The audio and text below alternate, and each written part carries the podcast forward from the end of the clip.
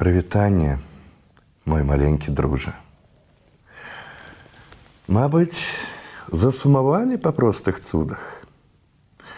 Упэўнены, цудаў шмат не толькі ў маім жыцці, у жыцці вандроўніка, але і вакол цябе.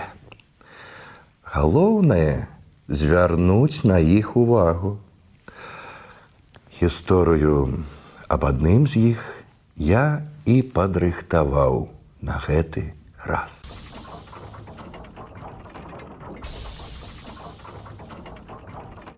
Тата у Эдзіка быў астраномам.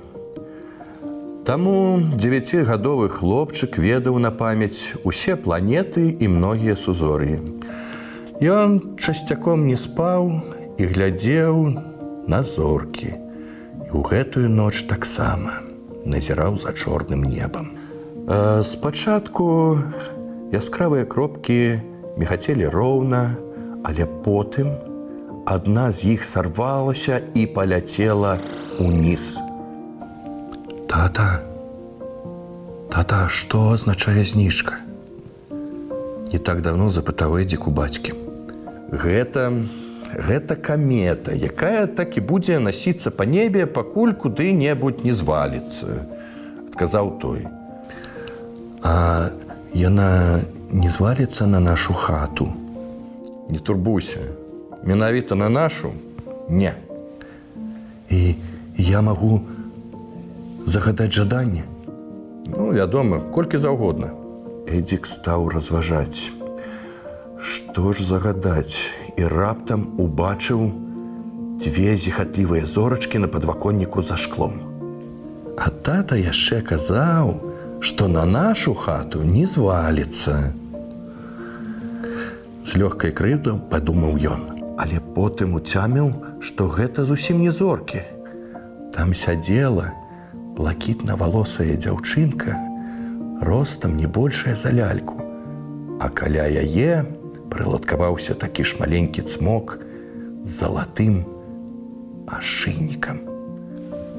Хлопчык расчыніў в акно і сказаў: « Прывітанне, вам тут не холодна?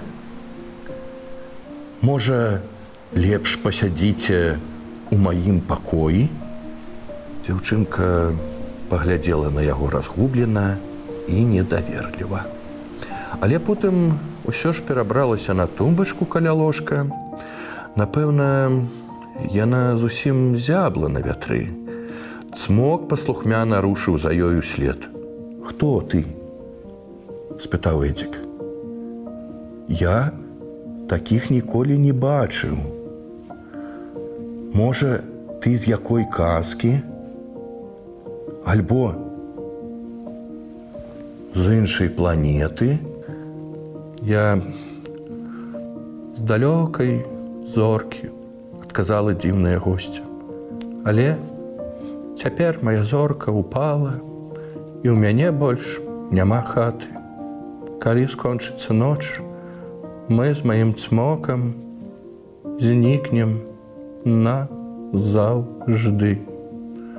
Ось гэта шкада, гэта шкада, сказаў хлопчык, значыцца, тая знічка была тваім домам. Я спачатку вырашыў, што ты сказкі, ну як, як быццам бы мальвіна. Мальвіна? Дзяўчынка з блакітнымі валасамі, ну так, мальвіна, падобная да цябе, толькі ростам, ну, больш. А дарэчы, так як цябе завуць?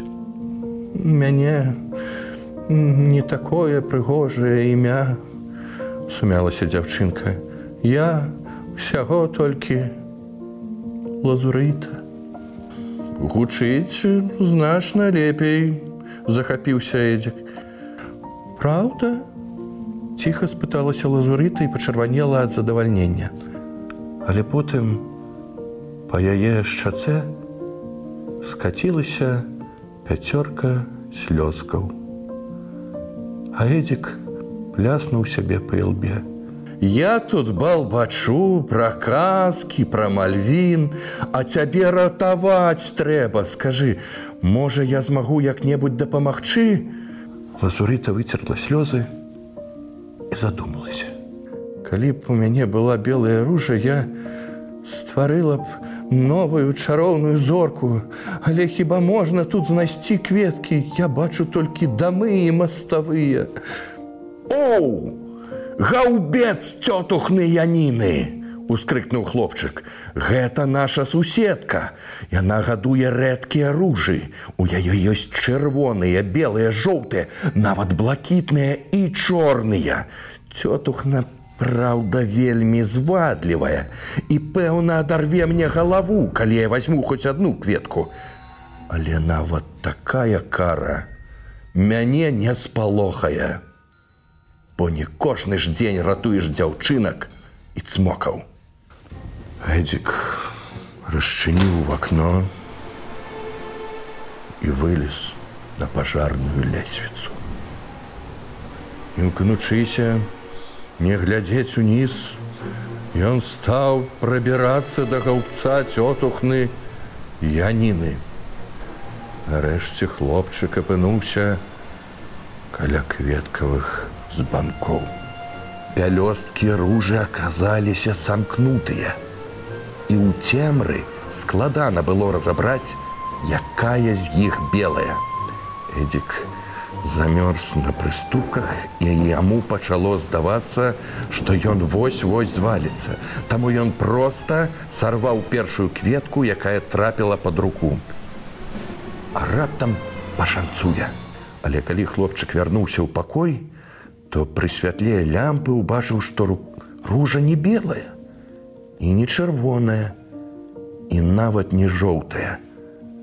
Яна была, лазурковага колеру. Самае пекнае адценне блакітных ружаў цётухны яніны. Што я нарабіў, засмуціўся Эдзік. Пачакай, я зараз прынясу іншую. Не, не, не, спыніла яго лазурыта.